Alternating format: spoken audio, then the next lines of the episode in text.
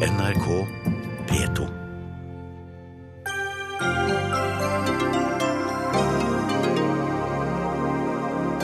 Likestillingsministeren snikavvikler pappapermen, mener Venstre. Solveig Horne vil la mor få fars perm hvis far ikke kan ta den selv. Fylkeslegen refser Ahus for feilbehandling og uforsvarlig medisinering av 20-åring som tok livet sitt. Foreldrene forteller om sin fortvilte kamp mot systemet. Fortjener varsleren Edvard Snowden Nobels fredspris? Ja, sier en rekke akademikere. På ingen måte, mener Fremskrittspartiets Christian Tybring-Gjedde.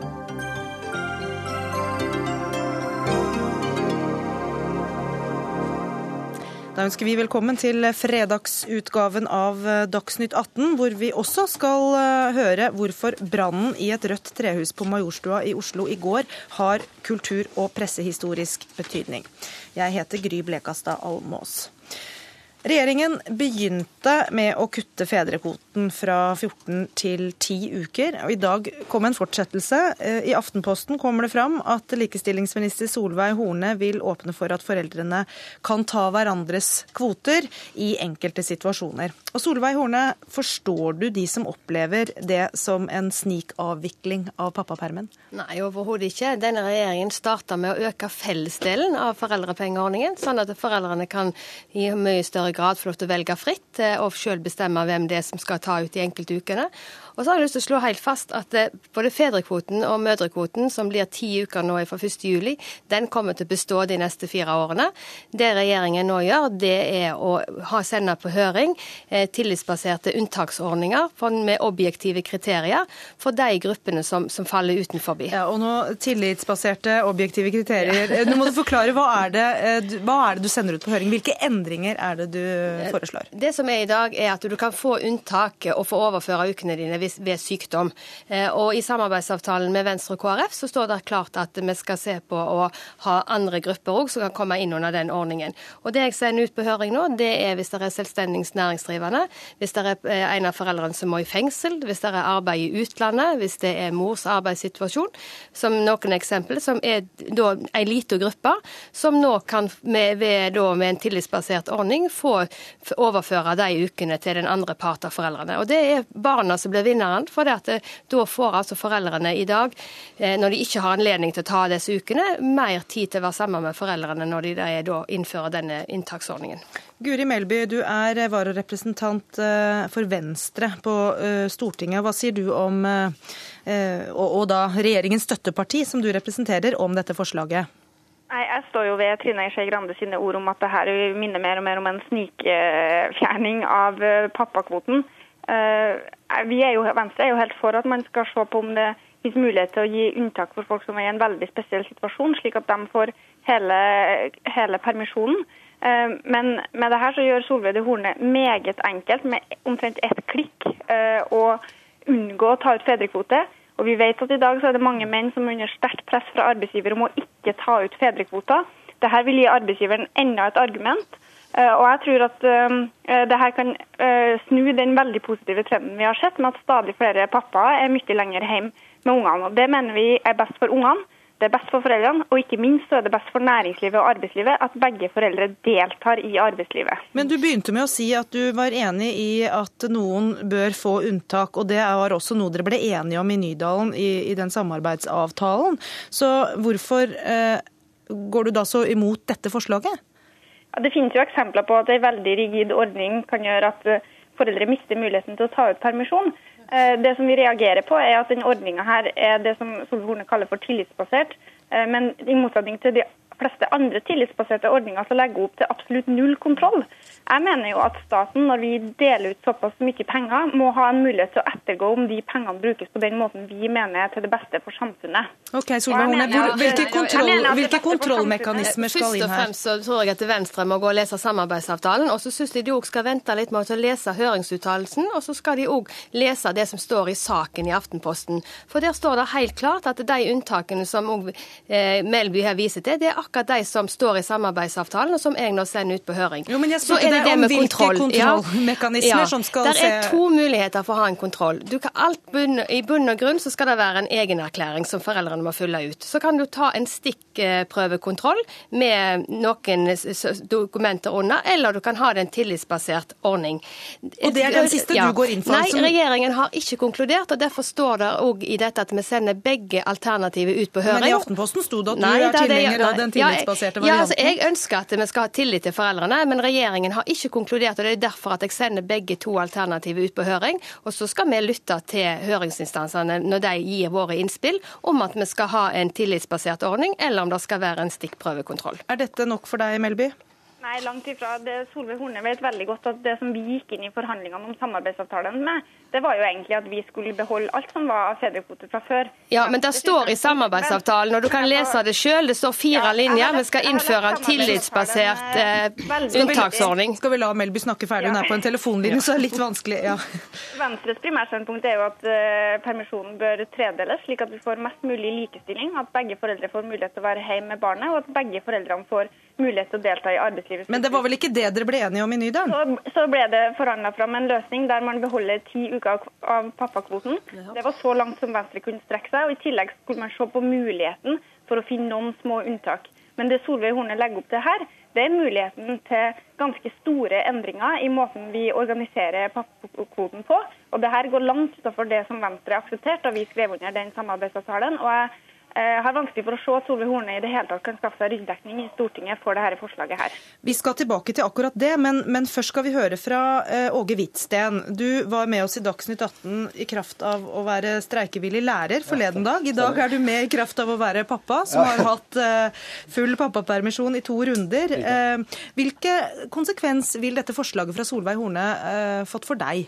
For oss så ville det slått ut veldig positivt. Eh, jeg har to gutter på to, tre og fem år. Den første gutten så var jeg hjemme i full pappaperm. Eh, og den andre eh, gutten vår så var jeg hjemme mye mer. Fordi da startet konen min opp et eget firma. Eh, og da passet det veldig godt at jeg var mer hjemme. Så det ville vært en eh, veldig god ordning for oss. Så da ville du i dette tilfellet eh, overtatt din kones permisjon og vært mer sammen med ungene? Det ville jeg gjort, helt klart. Så det ville vært et veldig godt forslag for oss som familie å ha den valgfriheten. Men i mange tilfeller så er det, og kanskje de fleste, er det mm. far som er ute i jobben og mor som blir hjemme. Og hvordan vil en slik løsning sikre ungene mer tid med fedrene sine, tror du?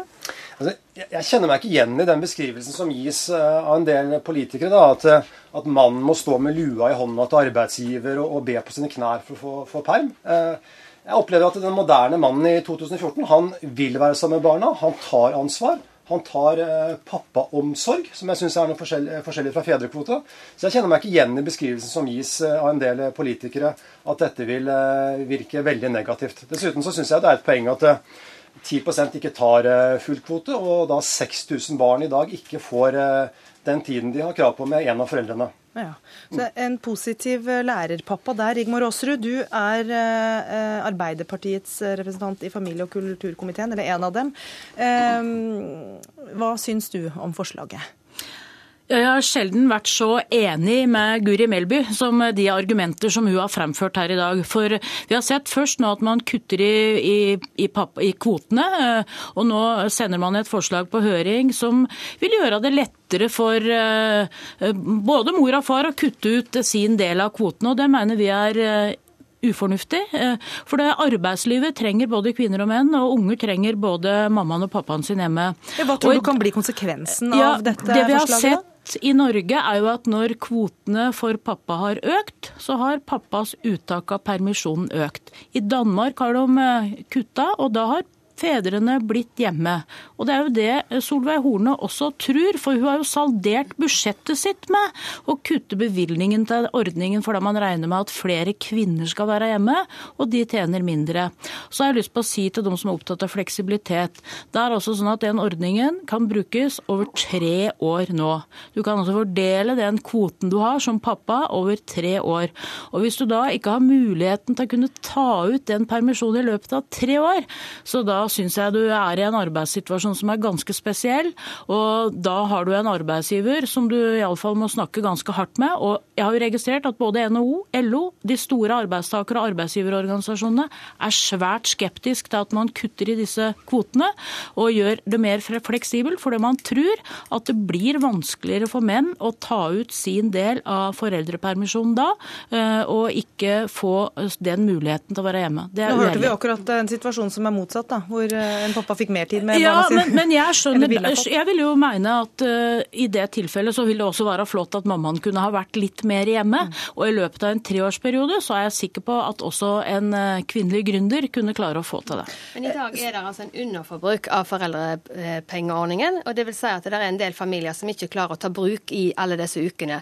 Og med det som vi nå sender på høring, så gjør du altså familiene mye mer i stand til å kunne bruke mer tid hjemme med ungene. Og jeg tror det er veldig lite snakk om, eller det er lite snakk om barna med dette. For det, det viktigste er jo at foreldrene kan være hjemme med barna sine lenge som mulig.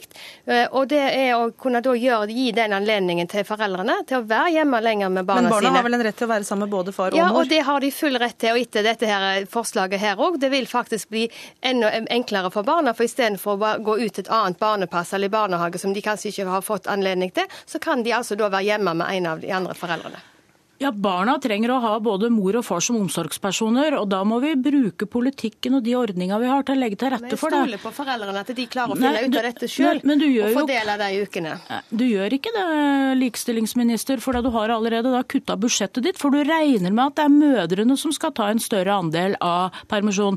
Du har eh, i det budsjettet du la fram sagt at du vil spare mellom 130 og 150 millioner kroner på de endringene du gjorde med å kutte kvoten fra 14 til ti uker. Så du regner altså med at det er mødrene som skal ta et større ansvar for omsorgen. Og Solveig Horne, hvordan skal du vite, du sier det er tillitsbasert, men vite at de som får disse unntakene faktisk eh, har rett på dem?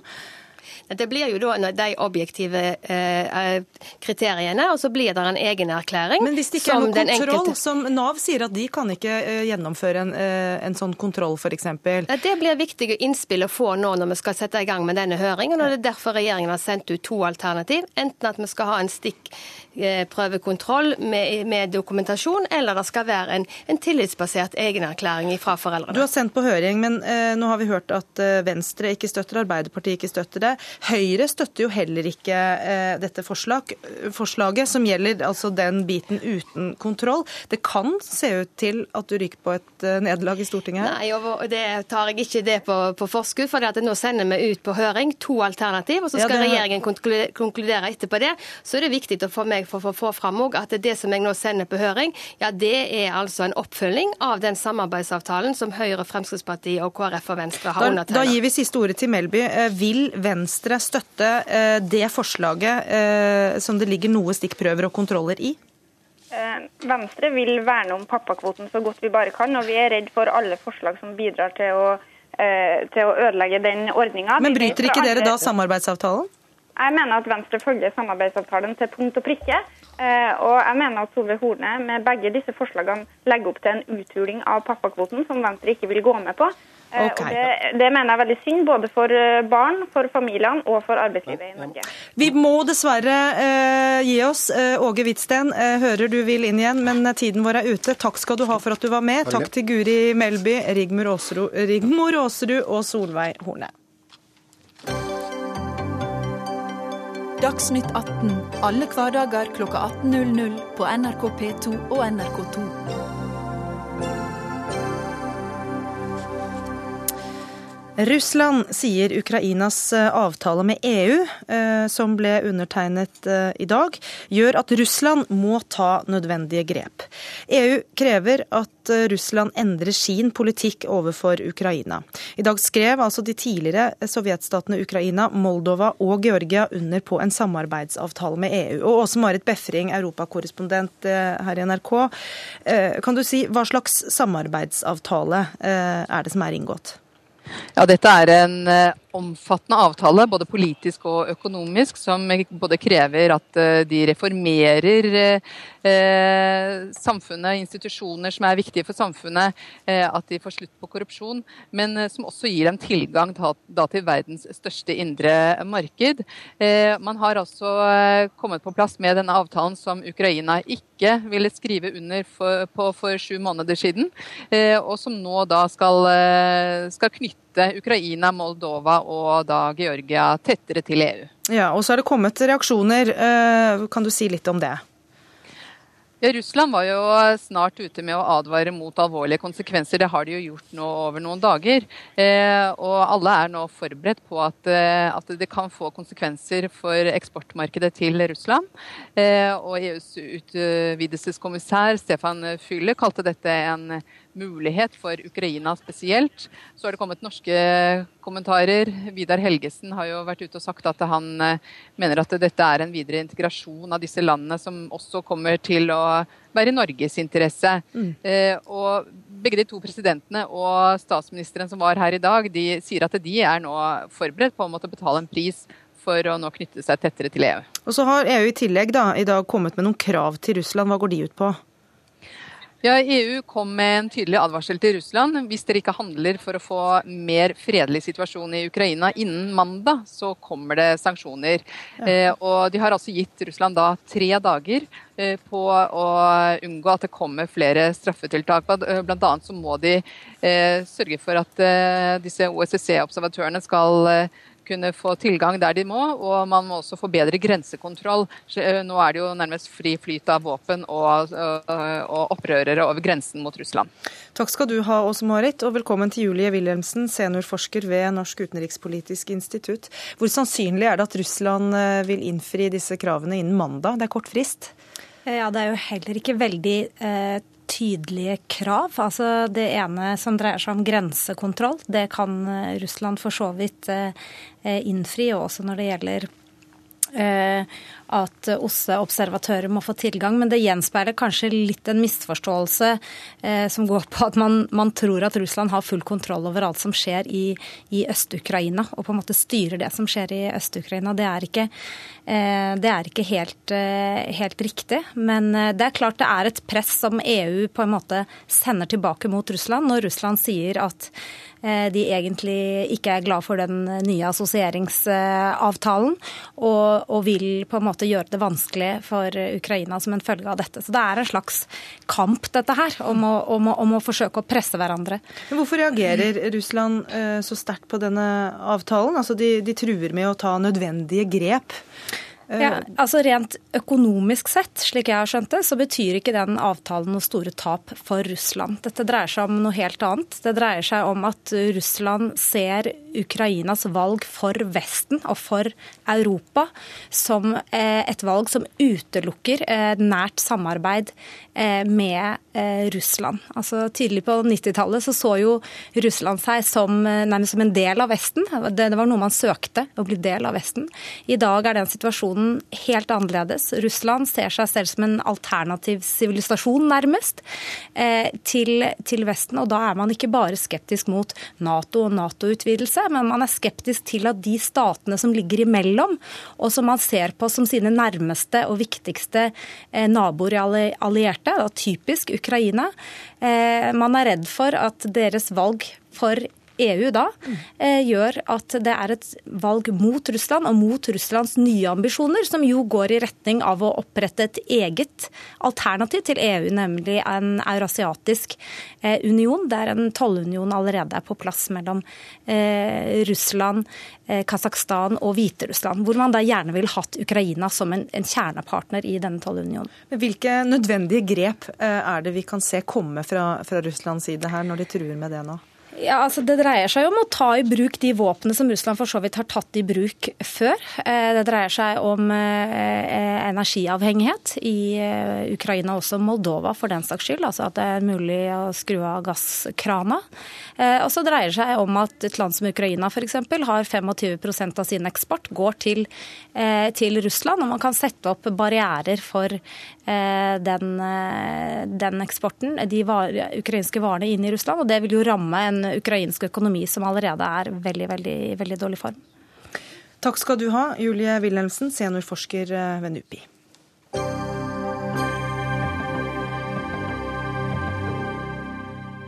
Nå skal vi høre at sykehuset Ahus får flengende kritikk av fylkeslegen for feilbehandling og uforsvarlig medisinering av 20 år gamle Silje Johannessen Øvre, som tok livet sitt for halvannet år siden.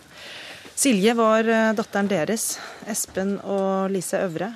Dere har siden da, siden hun døde, slåss for å finne ut hva som skjedde. Aller først, Hvordan reagerer dere på den kritikken fylkeslegen nå kommer med av sykehuset? Det er, litt sånn, det er litt sånn todelt, føler jeg. Eh, for det første så er man jo litt glad for at uh, fylkesmannen har tatt til fornuft, holdt jeg på å si, og gitt oss medhold. På den andre siden så føles det litt sånn litt vondt, fordi at kunne Silje ha vært i live i dag hvis de hadde fulgt lovene og reglene? Vi skulle ønske at vi hadde blitt lytta til på et tidligere tidspunkt bl.a. Fortell hva som skjedde med Silje. Altså Silje hun døde jo da hun var 20 år. Da hun var 14, så kollapsa hun brått. Eh, havna på Ullevål. Etter hvert så ble det konstatert Altså hun fikk en ME-diagnose. Eh, I den forbindelse så ble det også avdekka at hun hadde en lesjon i hjernen, altså et eller annet i hjernen, som da ble lovt det skulle følges opp. Det Seinere viste seg at det var en tumor. Hun gikk i mange år med den. Eh, men altså, i mellomtida hun ble veldig deprimert, Silje. Eh, fagfolk konkluderte med at det var depresjon. Eh, ikke la ikke vekt på de andre tingene. Og hun ble medisinert kraftig for depresjon? Etter 18 år ble hun det. Da, det var da helvete begynte, hvis en skal kalle det det. Altså, hun fungerte av og på fram til hun ble 18. Eh, men da havna hun innenfor voksenpsykiatrien, og det var da medisineringa tok helt av. Eh, og på eh, det tidspunktet hun døde, så rett før, så var hun tvangsinnlagt, men fikk en permisjon? Altså Hun var ikke tvangsinnlagt, det var hun ikke. Men hun var der for å bli trappet ned på medisiner. Og var definert som kronisk suicidal? Ja, hun ble jo suicidal de periodene hun var dårlig. Fordi at hun eh, orka vel ikke da å leve med dette her. Hun så liksom ikke Klarte ikke sjøl å se at hun kunne bli bedre. Men likevel fikk hun permisjon? Likevel fikk hun permisjon, ja. Og da vet jeg at hun var veldig langt nede. Og da, under den permisjonen, så tok hun livet sitt. Hun hadde jo også bedyra det uka før at hun skulle gjøre det ved første anledning hun fikk permisjon.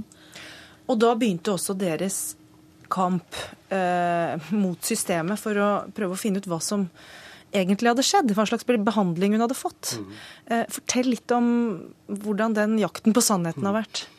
Ja, Den har vært den tøffeste kampen jeg har eh, hatt i hele mitt liv. Det kan jeg skrive med to røde streker under på. Eh, det første begynte med å få innhenta alle journaler og epikriser. Eh, det var en liten kamp i seg selv i mange tilfeller. Ahus var også veldig, holdt igjen veldig ofte disse, den informasjonen til meg. Og så var det å begynne å sette seg ned og lese og prøve å forstå. Eh, og det var 3000 sider. Og det var et, lang, et langt mareritt å sitte og lese om eh, hvordan hun har hatt det de siste to årene av livet sitt. Og så måtte man bare prøve å, å, å se om vi kunne se om det var noe feil Og det fant vi veldig tidlig. Vi så at hun fikk medisiner i enorme mengder. Altså var, vi var jo klar over at hun ble medisinert mens hun var i live også, men vi, vi, var ikke klar over omfanget, for vi ble hele tida møtt med den eh, taushetsplikten hvis vi prøvde å, å stille spørsmål. Silje sjøl eh, ville gjerne skåne oss eh, mest mulig, sjøl om vi sa at vi var der liksom for henne uansett. Hun hadde en stolthet som ikke var særlig sunn. Ville ikke involvere oss for mye. Hun sa også til meg at hun stolte mer på legene enn på meg.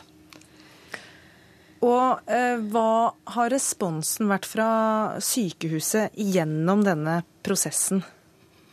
Eh, jeg har ikke kommunisert med sykehuset annet enn gjennom de brevene som fylkesmannen har mottatt fra sykehuset, og sendt videre til meg. Jeg har ikke snakket med dem i det hele tatt. Men dere har bl.a. vært nødt til å reise rundt på apoteket for å prøve å få lister over mm. medikamenter hun har brukt, for å, for å finne ut hvor mye hun faktisk fikk. Det er ingen som kunne fortelle dere det? Nei. Nei, altså det finnes, Merkelig nok så finnes det ikke i 2014 et, en felles database for apotekene. Så, man kan, så vi måtte reise på hvert enkelt apotek, så vi måtte jo egentlig bare ta litt fingeren i været og, og, og, og, og reise rundt på alle apotek i hele Oslo, faktisk. Og, og ja, Store-Oslo, egentlig. For å få en full oversikt. Og Det var jo også litt av en jobb. Mm. Og Så har dere altså klagd dette inn for Fylkesmannen, og nå har dere fått fullt medhold. Ja. Hvordan oppleves det? Altså, vi har jo fått eh, medhold etter at de har forkasta to sakkyndigrapporter, og det er jo egentlig ganske spesielt. Og vi er jo glad for at fornuften har seira her. For vi ser jo også det at det innenfor systemet kan virke som de er veldig opptatt av å dekke hverandres rygger. De vil ikke innrømme at de har gjort noe feil. Den sitter veldig hardt inne, så det at, det, at vi har fått medhold er jo kjempepositivt. Også for Altså, vi får jo aldri tilbake dattera vår, men uh, det er bra for andre som kjemper den samme kampen som vi kjempa den gangen. For det er mange. Men hvordan har dere klart å, uh, i en periode hvor dere har vært i stor sorg, uh, kjempe så hardt, når dere vet at uh, uansett utfall, så får dere ikke Silje tilbake? Vi har jo egentlig ikke klart det, men vi har klart det, hvis du skjønner hva jeg mener. Det blei en prosess. Jeg blei kanskje litt Eh, veldig fokusert på det. Veldig fokusert. Og jeg, nå sånn i ettertid så tror jeg kanskje det er bra. Fordi at hvis jeg ikke hadde gjort det nå, så tror jeg kanskje jeg hadde fått en, eller vi hadde fått en, en ordentlig smell kanskje om fem-ti år. Hva forteller dere det om systemet? Eh, at dere har vært nødt til å holde på sånn? Det skulle ikke være nødvendig for noen foreldre å måtte kjempe en sånn kamp i ettertid for å få en innrømmelse på at det her har blitt gjort feil, når det er så åpenbart. Mm. Vi har med oss Petter Skau, som er fylkeslege i Oslo og Akershus. og Det var jo dere da som behandlet eh, klagen. Og som vi har hørt, familien her har fått medhold på alle punkter. Hva kritiserer dere nå Ahus for konkret? Ja, Vi syns jo at uh, dette var en så alvorlig sak. Det gjaldt ei ung jente uh, som begikk selvmord mens hun var innlagt på et av de største sykehusene våre. Så vi bestemte oss jo da for å gå veldig dypt inn i denne saken bl.a. med to sakkyndige. Og vi har vel eh, kritisert eh, sykehuset for eh, det meste av det foreldrene har framført av klager. Og det gjelder bruk av diagnoser, feilskrivinger, slurvete journalføring, mangel på langsiktig planlegging av et behandlingsopplegg av en, av en ung kvinne som helt tydelig ga uttrykk for at hun ville ta livet sitt. Og eh, stor usikkerhet rundt dette med permisjoner og oppfølging av disse, noe som også gikk galt til, til slutt. Og så hørte vi at uh, to sakkyndige har sett på saken for dere, og de mente at de feilene som ble begått var innenfor det som defineres som forsvarlig. Men det har dere valgt å se bort ifra. Hvorfor det? Ja. Nei, vi var ikke enig i det. De har jo kritisert en hel del ting, de sakkyndige også, men de, de, bruker litt andre ord. Det er nå vi som er satt til å, å, legge lista for hva som er forsvarlighet i siste instans når det blir klagesaker. Dette er en kjempealvorlig sak, og ja, ønsker nok å sende et tydelig signal til, til sykehusene og til fagmiljøet at uh, lista må legges annerledes når det gjelder oppfølging av denne, denne gruppen pasienter. Og Det gjelder eh, også forholdet til pårørende, det gjelder åpenhet, det gjelder kommunikasjon. Det gjelder selve behandlingsopplegget. Vi vil eh, med dette ikke bare si til disse involverte avdelingene, men også til psykiatrien for så vidt, at eh, vi legger nok lista for forsvarlighet annerledes enn deres egne kollegaer gjorde i dette tilfellet. Vi har jo da vært i kontakt med Ahus eh, i dag, og med Helse Sør-Øst og med Helsedepartementet, men eh, ingen eh, kunne stille i dag. Men til Dagsrevyen sier Ahus at de tar saken veldig alvorlig, men mener at de ikke medvirket til at Silje tok livet sitt. Tone Wilhelmsen Trøen, stortingsrepresentant for Høyre i helse- og omsorgskomiteen. Når du sittet her og hørt familiens historie og deres kamp mot mot systemet. Hva forteller dette deg om systemet? Ja, det er en veldig, veldig sterk eh, historie. Veldig stor eh, medfølelse og sympati med, med foreldrene. Veldig, veldig, stor respekt også. Veldig ydmyk for at dere har eh, kjempet denne kampen, som dere forteller har vært veldig, veldig tøff. Jeg syns det er to, to, viktige ting denne historien forteller, og som jeg ikke tror er unik, dessverre, det er at vi må styrke pårørendes og pasientenes stemme i helsetjenesten. Det er et kjempeviktig arbeid. Eh, at man eh, får mer påvirkning og mer innvirkning på, på behandling, og, og, at man eh, faktisk føler at det er sin egen helsetjeneste. Men hvordan kan man gjøre det? Her er det snakk om en voksen kvinne, altså over 18 år. Skal man oppheve taushetsplikt, eller hvilke grep kan man se for seg? Regjeringen har fremmet en, en, eh, strategiplan for å forebygge selvmord og selvskading i vinter. Eh, den har 29 tiltak. Et av de tiltakene handler om samhandling med pårørende. Eh, informasjon både i forhold til behandling, men også etter at noe svært alvorlig har skjedd. For det er jo den andre siden av dette, nemlig hvordan man opplever det når, når Eh, dødsfallet har kommet, og man opplever at det er vanskelig i etterkant. Men det eh, viktigste er vel kanskje å forsøke å forhindre eh, at noe sånt skjer, og at det skjer pga. feilbehandling og dårlige rutiner. Selvfølgelig. Men og føler du deg trygg på at de tiltakene dere allerede nå kommer med, vil forhindre at sånne ting skjer igjen? Ja, men jeg tror også det viktigste for å forhindre at sånt skjer igjen, er å lære av de gangene det går feil. Og det, Der må vi skape en kultur for bedre læring. noe av dette handler om det som, eh, det som, regjeringen ønsker, å ha en undersøkelseskommisjon for uønska hendelser i helsetjenesten. Det er vi veldig opptatt av.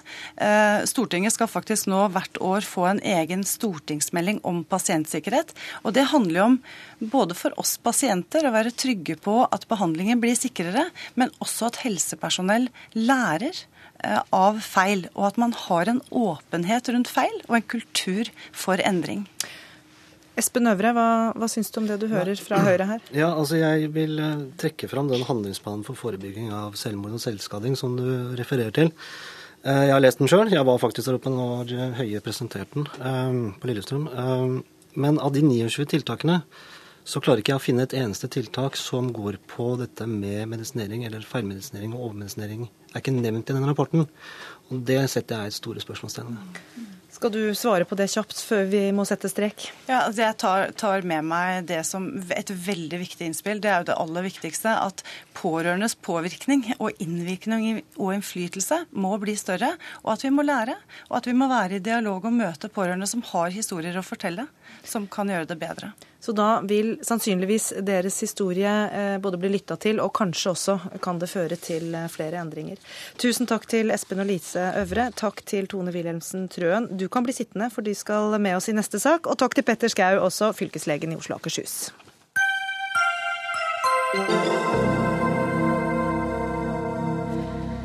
Fordi i byer og tettsteder anbefales det at ambulanser skal være på plass innen tolv minutter etter at eh, folk har ringt 113, eh, og i mer grisgrendte strøk eh, innen 25 minutter. Men en ny rapport fra Helsedirektoratet viser at ambulansene ikke kommer fram eh, innen den tiden. Tanja Hande, du er eh, paramedic, eller ambulansearbeider, og også tillitsvalgt ved Universitetssykehuset i Oslo. Ehm, hvorfor kommer ikke ambulansene fram innenfor denne tiden?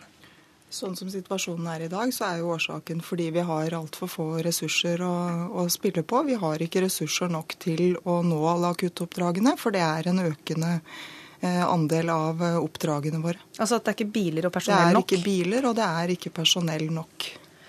Når du da uh, kommer fram for sent, hva slags reaksjoner blir du møtt med?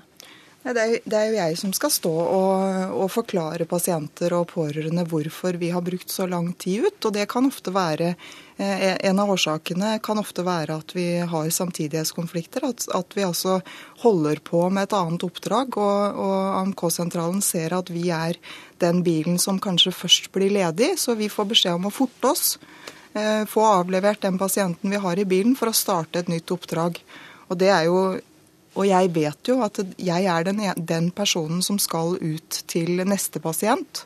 Og det medfører jo en, eh, en intern stressfaktor hos oss, selv om vi, vi, behandler pasienten vi har i bilen allerede. Men det er en stressfaktor, fordi du vet at den pasienten får ikke hjelp før jeg kommer dit. Hvilken eller hvilke eh, tiltak ser du for deg kan eh, hjelpe på den situasjonen? Nei, jeg, jeg, ser for meg at vi må bedre grunnbemanningen, ikke bare på AMK, men i høyeste grad ute i ambulansetjenesten også. Vi trenger flere ambulanser, sånn at vi kan få ned eh, den tida vi bruker. Og så må vi kanskje også desentralisere tjenesten vår, sånn at vi har biler ute i, i mer biler ute i distriktene. Olaug Bollestad, du er helsepolitisk talskvinne i Kristelig Folkeparti, og du har sagt at det er elementært å få på plass krav om responstid. I dag er det altså anbefalt responstid, du vil ha krav. Forklar det. Jeg vil ha krav, og KrF vil ha krav. For vi tror at det å ha responstid, ha et mål om å nå fram til pasienten når vi skal, det er grunnmuren i norsk helsetjeneste. Ambulansetjenesten og luftambulansetjenesten er faktisk sykehuset sin forlengede arm. Det er der behandlingen begynner. Skal vi lykkes på sykehus, så må vi ha en god tjeneste ute. Men hvordan kan et krav eh, hjelpe på en situasjon hvor det ikke er nok folk og biler? Hvis det er et krav, og vi må bestemme oss for et krav, så må vi gjøre det nasjonalt. Da betyr det at vi må sette ned av penger. Vi er nødt for å eh, utdanne nok folk. Og jeg tror at nå skal vi få en helse- og sykehusplan. Skal vi lykkes lykkes i helse- og sykehusplanen, så må den begynne med den prehospital, altså den, den, tjenesten som er ut forbi sykehus. For skal vi lykkes i sykehus, så blir den tjenesten ute viktig. Og, hvis, og jeg tror eh, denne flotte ambulansesjåføren her på at det er for lite folk og for lite biler. Og da må vi se norgeskartet og så må vi si hvor er det vi har for lite, og hvor er det vi må bygge opp. Og så vet jeg at en av, av, av på en måte, spørsmål som kommer, klarer vi å få dette til i vårt langstrakte, vanskelige land. Det står her på lista mi. Ja, ja, så fint. For den unnskyldningen har jeg hørt mange ganger. Og det er klart at det, klarer vi å få til responstid på politiet Klarer vi å få til at brannvesenet skal ha så og så lang tid, så og så mye folk på jobb, der skal, skal brannstasjonene ligge ut fra sykehjem osv., så, videre, så er det mulig òg innenfor helse. Og hvis det skal være områder det ikke går an å ha ambulanse på, så er det noe som heter first response, altså responsbiler som ikke er en fullverdig ambulanse, men som er folk som er opplærte til å ta det første der det er, og sikre pasienten til dess disse flotte folka kommer. Og jeg mener at dette dette og KrF at dette er grunnmuren. Og Jeg har jo jobba i tjenesten sjøl, derfor så mener jeg at dette er fantastisk viktig. Og så er jeg opptatt av at skal vi lykkes i den flotte helse- og sykehusplanen, så må vi begynne her. Nå kan det vel hende at det er diskutabelt om brannvesen og politi eh, klarer eh, ja. å rykke ut innen tiden, men eh, to, Tone Wilhelmsen Trøen, fortsatt da helsepolitiker i Høyre. Støtter du dette kravet om et krav til responstid? Det har vært vurdert eh, flere ganger tidligere også om man skal ha krav til responstid. og vi, eh, jeg, eh, tror ikke det, jeg tror ikke det er veien å gå. Hva er da veien å gå? Veien å gå er det regjeringen nå har startet med, nemlig å se på hele den akuttmedisinske kjeden. Fordi vi vet i den årsrapporten for 2013 så står det ganske tydelig definert at det er 35% som er det dere kaller rød respons eller rød mm. utrykning. Altså det som er akutt. Eh, vi tror jo at eh, når vi nå skal se på primærhelsetjenesten i en egen stortingsmelding og nasjonal helse- og sykehusplan, så er vi i gang med å se på hvordan hele den akuttmedisinske kjeden kan løses annerledes. Ja, men Mener du at du skal da dele inn disse Eh, utkjøringene i de mest alvorlige, middels alvorlige og mindre alvorlige, og så behandle dem forskjellig, eller hvilke Ja, men det er ingen tvil om at, eh, at legevakten kan håndtere også mer enn en, en eh, man gjør i dag. Og det blir viktig å se på. Men dette er jo nå under utredning. Men det blir veldig så viktig å se på. Færre skal få hjelp fra ambulanser, er det det som ligger i det? Nei, men det er ikke det jeg mener. For de som trenger en ambulanse, skal være trygge på at en ambulanse skal komme. Men det kan godt hende at vi må se på hele den akuttmedisinske kjeden, hele det prehospitale bildet, og se på det på nytt. For det har, eh, det, det har jo vært over år nå, så har man ikke klart eh, å å møte de foreslåtte kravene til eh, både responstid, men også tiden hvor det tar, hvor du, hvor du faktisk får svar. Hvordan syns du dette høres ut, Tanja Hamre? Det, det holder ikke for oss. Altså, vi, vi har eh, I ambulansene våre så har vi både medisiner og utstyr for å håndtere akutt og kritisk syke pasienter. Det har ofte ikke legevaktene, og, og de får i hvert fall ikke transportert pasientene til riktig sykehus. Det er det faktisk vi som må gjøre. Så vi må ut til pasienten for å få de inn til riktig sykehus og, og definitiv behandling. Hvorfor kan man ikke bare sette flere ambulanser med flere folk på veiene? Jo, men som, eh, som den flotte representanten fra ambulansetjenesten var inne på her i sted, så er jo også Ambulansen brukes jo til mye annet enn det akutte. Det foregår jo også veldig mye pasienttransport bl.a. Eh, gjennom ambulanser. Så det blir viktig å ta en gjennomgang som sikrer at ambulansen er tilgjengelig når vi trenger den akutte hjelpen. Og da kan det hende vi må få mer av pasienttransporten også over på annet enn ambulanse. Eh, det er jo sånn at eh, hvis, hvis du har en rød, rød respons som kjører ut, og det er et slag. Og så er det en rød respons helt til du kommer inn på sykehus. Og rød respons betyr akutt. Og det vil si, hvis jeg får hjerneslag, så skal jeg få hjelp helt ytterst, aller best. Og så skal jeg transporteres fort til sykehus, så jeg får minst handikap etterpå. Og kan resusciteres fortest mulig. Og det kan ambulansetjenesten gjøre. Men dette er jo idealet, ja, ikke sant? Men, hvis, men, det jeg prøver å si, men hvis, jeg, hvis det ikke skulle være et slag, men det skulle være et helt annet anfall jeg hadde fått, så nedgraderer jo ambulansefolk og sier dette er ingen rød respons. dette er en gul respons eller grønn respons. Vi kjører inn på vanlig tur. Det er jo det, den vurderingen ute som er det kritiske punktet. Hvis jeg trenger akutt hjelp, så, eller du, så er det det som er det kritiske punktet. At hjelpen kommer fort nok, sånn at jeg får bevare mest mulig av hjernecellene mine eller hjertecellene. Det er jo det som er det snakk om her. Og da blir tjenesten annerledes på sykehus. Og jeg tror at det er både menneskelige lidelser å spare, og jeg tror det er ressurser å spare for, på sykehustjenesten hvis vi klarer å se hele kjeden i lag. Og det er jeg enig med Tone Trøen i, at vi skal se hele kjeden. Men da må vi ikke glemme det ytterste leddet. Og det er der jeg mener vi må ha størst innsats. Da skal Tanja Hande få lov til å avslutte med å, å svare på hvordan du ser på framtida, rett og slett, for jeg, jeg er jo veldig enig med det, i det Olaug eh, sier. Vi er, eh, vi er en høyt ut, utdanna yrkesgruppe. Vi har blitt det etter hvert. Vi innehar god kompetanse for å gjøre de her vurderingene. Men eh, vi trenger en god grunnbemanning, og den må være bedre enn det han er i dag. Vi trenger flere ambulanser på veiene, og vi trenger et, eh, en, eh, et visst antall minutter fastsatt på tid i forhold til hvor lang tid vi skal bruke. Så du det også vil komme. ha dette kravet? ja, jeg vil det. For det, det, får ingen konsekvenser for helseforetakene hvis ikke kravet om mm. tid kommer. Superkort. Ja, men for, for, vår regjering har det vært viktig å se nettopp på å styrke uh, denne tjenesten. Mm. Sånn at både gjennom Nasjonal helse- og sykehusplan, som KrF var inne på, og gjennom primærhelsetjenestemeldingen. Men så har man litt forskjellige løsninger eh, ja. på problemene. Tone Wilhelmsen Trøen, Tanja Hande og Olaug Bollestad, tusen takk. Hør Dagsnytt 18 når du vil. Radio NRK Radio.nrk.no.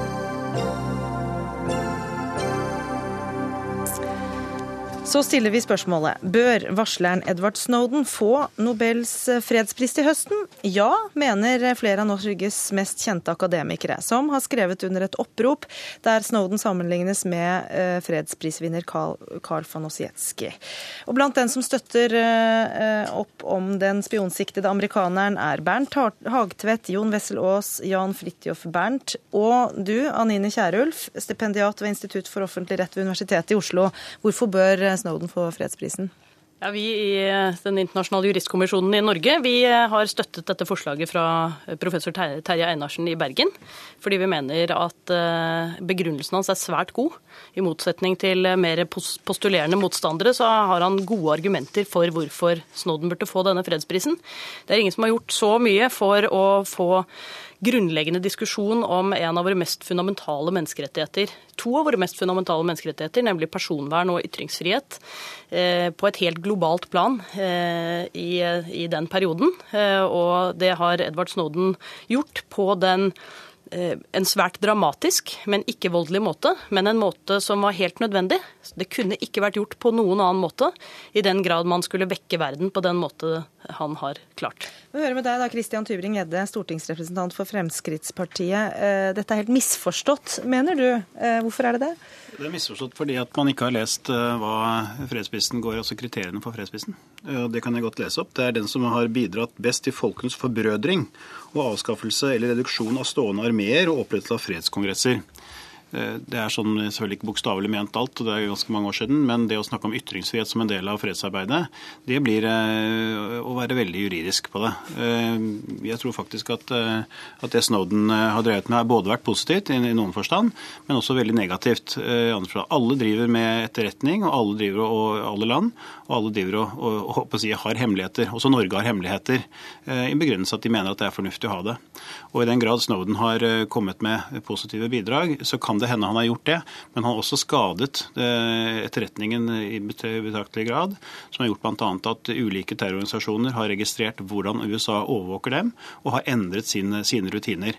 Eh, og Det er veldig negativt, og, potensielt også farlig for amerikanske styrker og for Vesten i, i sin helhet. Kjærulf, hvorfor mener du at han har bidratt til fred eh, med det arbeidet han har gjort, som vi hører også kan ha hatt negative konsekvenser? Ja, De negative konsekvensene vil jeg gjerne høre mer om, hvis Christian Tybring-Gjedde vet mer enn det den presidentale undersøkelseskomiteen som gikk gjennom dette og har konkludert med at det ikke eh, skadet eh, arbeidet mot terrorisme, slik som det er blitt hevdet, så hadde jo det vært interessant å få vite mer om.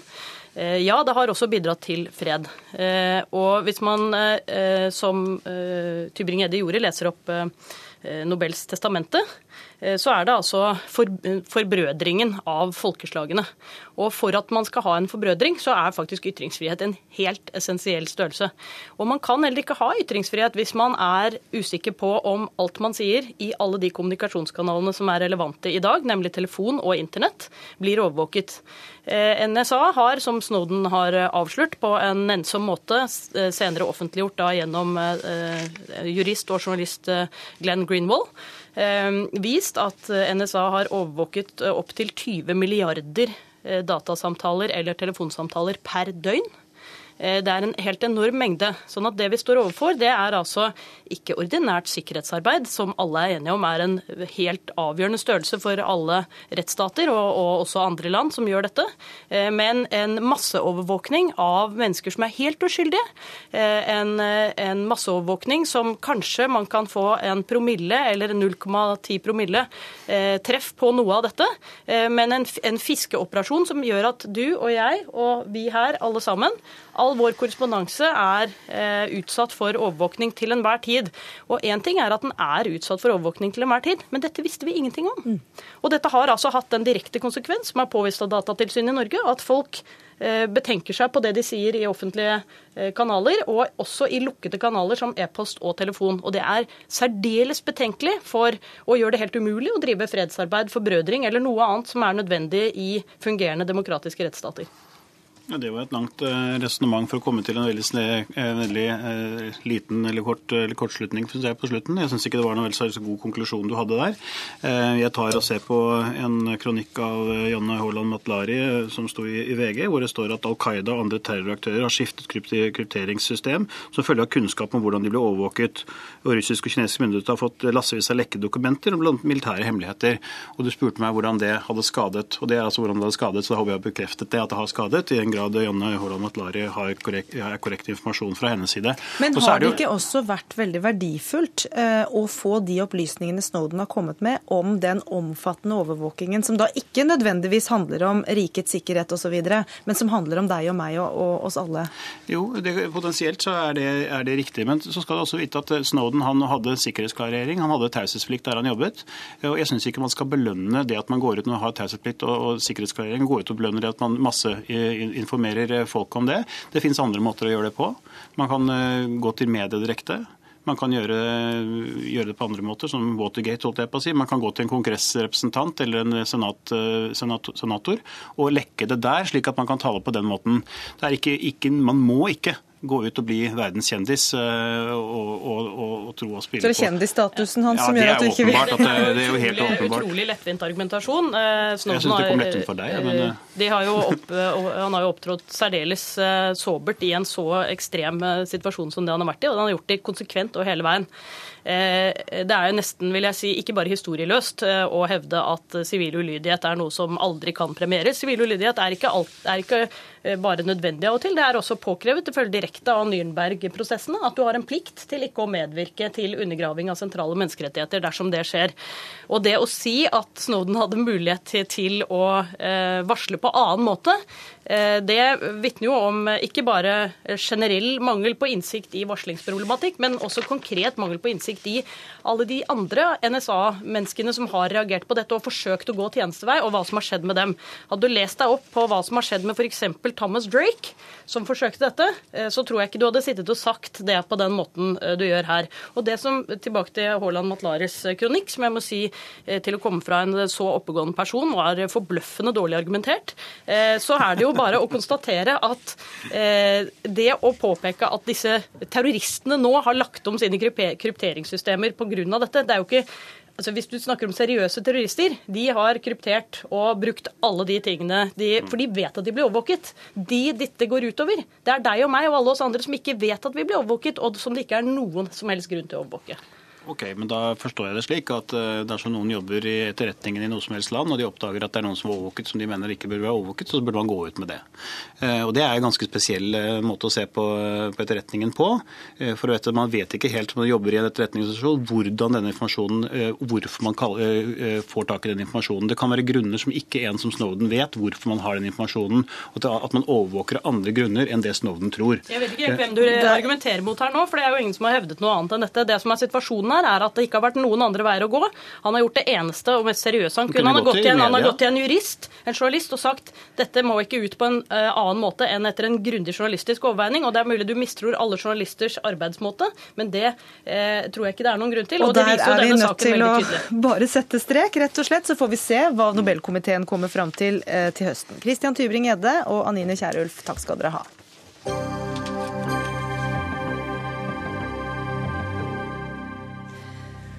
Engasjementet har vært eh, enormt det siste døgnet for et rødt trehus på Majorstua i Oslo som begynte å brenne da lynet slo ned i går. Det verneverdige huset i Hjelmsgate 3 er nemlig et stykke norsk alternativ kulturhistorie. Vi skal høre et klipp fra Ungdommens radioavis og reporter Karin Julsrud fra 1977. I Hjelmsgate 3 i Oslo ligger et gammelt rødt trehus Huset er tilholdssted for massevis av unge mennesker. En gruppe på 50 har sin arbeidsplass her og kaller seg Arbeidskollektivet. Bente Westergård, hva betyr ordet arbeidskollektiv? Jo, det ligger det at uh, vi jobber uten sjefer, men også uten uh, andre til å gjøre grovarbeidet for oss. Gjør det slik som vi liker det, da, da liker vi oss, altså. En del borgerfruer ville sikkert ikke likt seg her. Ja, Jon Rognlien, du var en av disse menneskene i dette kollektivet. Nå er du kritiker i, i Dagbladet. Hva representerer dette huset?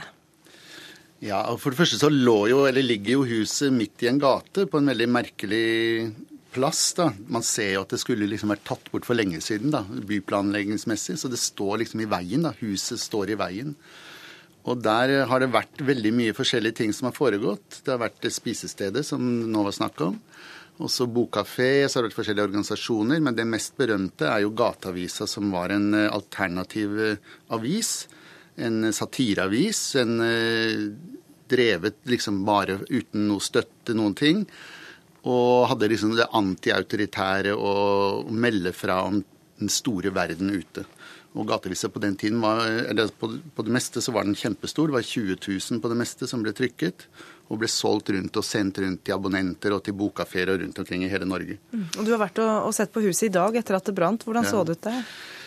Nei, det ser ikke bra ut. Det er jo, hele øverste etasjen er jo fullstendig skadd. Da. Så, he, så Gateavisas redaksjonslokaler de er eh, ødelagt. Der er alt som er der, har vært der av arkiver og gamle foto og samlinger av alternative aviser. da fra den tiden. fordi Gateavisa tok jo også, abonnerte jo på mange ting, fikk tilsendt mange ting fra verden i en tid hvor Norge var veldig trangt. Det glemmer vi jo nesten nå, men det fantes jo ikke noe internett, og det var ikke noen TV-kanaler. Det var NRK, og så var det sjømannssendingen. Det var liksom alternativet, da.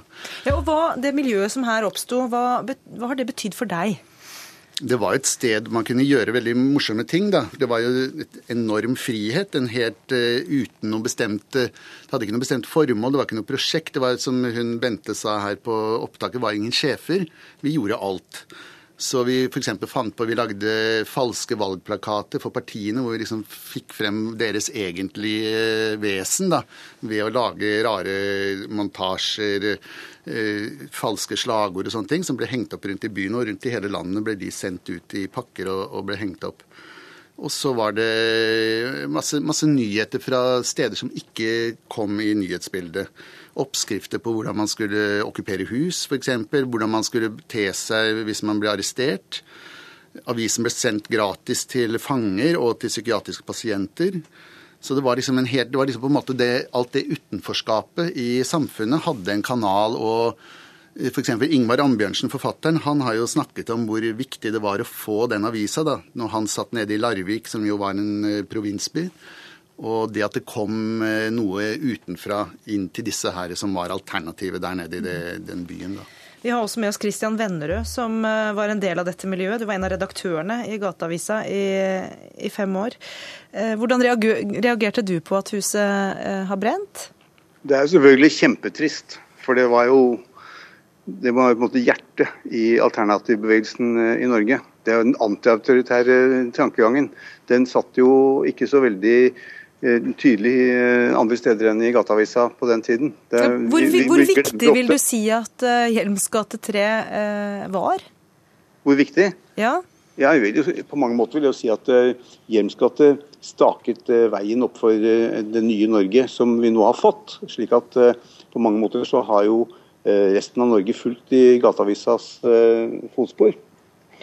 Eh, altså Vi har jo fått eh, en helt annen frihet overalt. Frihet var jo på en måte nøkkelbegrepet. Det var jo anarkisme som Gateavisa først og fremst sto for, i forskjellige avskygninger riktignok. Og, og vi har fått en frihet på alle mulige områder. sånn som bare på, I medier er jo én ting. Rockemusikk spilles overalt. Den gangen så var det jo bare Gateavisa som skrev rockeanmeldelser og tok rockemusikk alvorlig. Alle andre de måtte vente til eh, fem, de siste fem minuttene av ønskekonserten på mandag for å høre på noe rock i radio. Eh, hele, men ytringsfrihet generelt jo, eh, var jo noe som vi sto veldig sterkt for på, på alle måter. og Det har jo blitt akseptert nå at ytringsfrihet er, en, er, kjempeviktig. Nå er det liksom en del av Grunnloven, men det var det jo ikke på den måten eh, den gangen ble ikke oppfattet som noe viktig. Og så var eh, humor viktig, Jon Rognlien. Og gi oss noen eksempler på på si måten dere jobba politisk, journalistisk med humoristisk fortegn, for å si det sånn? ja, altså En av de mest berømte tingene som skjedde, var jo at en gjeng fra redaksjonen, da, som jo bl.a. var Christian og meg, da, men det er jo egentlig hemmelig, så nå sier jeg det. vi hadde en liten tur hvor vi gikk og, og stjal søppelet til Kåre Willoch og Gro Harlem Brundtland. Vi stjal det jo ikke, de hadde jo kastet det. det jo, ja, ikke sant. Vi hadde det juridisk på, på, det tørre. Det var delinkvert gods, som vår juridiske rådgiver sa. Og delinkvert gods, det kan alle ta av. Hva fant dere der? Der fant vi veldig mye rart. Og vi hadde en svær session hvor vi pakket ut og analyserte og skrev ned. Og der var det jo mye rare ting. da. F.eks. så var det et uh, slankediagram for Gro Harlem Brundtland. Og da kunne vi følge datoen og si å ja, da var hun på et møte, der var det vanskelig. Oi, der gikk hun opp to kilo. vi lagde veldig mye ut av det. Litt sånn grafsing, rett og slett? Ja, det var grafsing på høyt, uh, altså virkelig på høyt nivå. Ja, Men hensikten var jo ikke grafsing. Hva var hensikten, da? Nei, hensikten var jo å stille fordi den, Det var første valget vi fikk i Norge, hvor det var stem på Kåre eller stem på Gro. Det var en forandring av norsk politikk fra å være kan si, et, politiske partier og programmer og demokrati av en type som vi likte, og over til en, slags presidentkampanje. Mm. Eh, som nå også har fått, hatt den seneste tiden. Liksom, enten er Erna, eller så er uh, Jens. Og det, Eller Jonas nå, da, kanskje. Og, ja, ja, men siste gang, da. Ja. Ikke sant? Jo, men Kåre og Gro var jo de første på det, det er riktig. Men så var det jo også en annen ting, var jo å vise at dette var jo mennesker med, som gjorde helt vanlige ting. Fordi at det, det var jo liksom ikke så mye framme da på den tiden. Politikere var jo ofte litt sånne grå eminenser. Og, og det, for eksempel så var det bryllup, en, en sånn tale Kåre Willoch Kladden til hans tale til kona, da, som var sånn takket. Det var veldig sjarmerende. Veldig vakkert, da. Og så var det mye annet rart. Men du kan si vi lagde jo noe svært ut av det. da. Det ble et kjempesuksess. Jeg ble utsolgt i alle kiosker og sånn, fordi at dette var noe helt nytt. Men det skal jo sies at var en, vi var inspirert av en som hadde gjort det i Amerika, som hadde stjålet søpla til eh, Bob Dylan. Og det var liksom det garbologien da, som ble startet da, ikke sant, garbage, eh, forskning i søppel. da. Men det interessante var at eh, selv om det her var veldig mange interessante poenger som ble gjort ut eh, av, av denne, dette stuntet Nå må du være rask, for sendinga er straks slutt. resten av norsk presse ikke å ta i det. Altså, så servile var norsk presse den gangen at de ikke turte å gjøre det. De var så involvert i politikken. Og så, eh, så, så runder vi av bare med å si at huset har fått omfattende skader. Beklager at jeg avbryter, men at Byantikvaren skal gjøre alt de kan for at bygningen eh, blir stående. Dagsnytt 18 er slutt, og det er på tide å ta helg også for vaktsjef Ida Tune Øretsland, teknisk ansvarlig Marianne Myrhol og Gry Blekastad Almås her i studio. Takk for følget.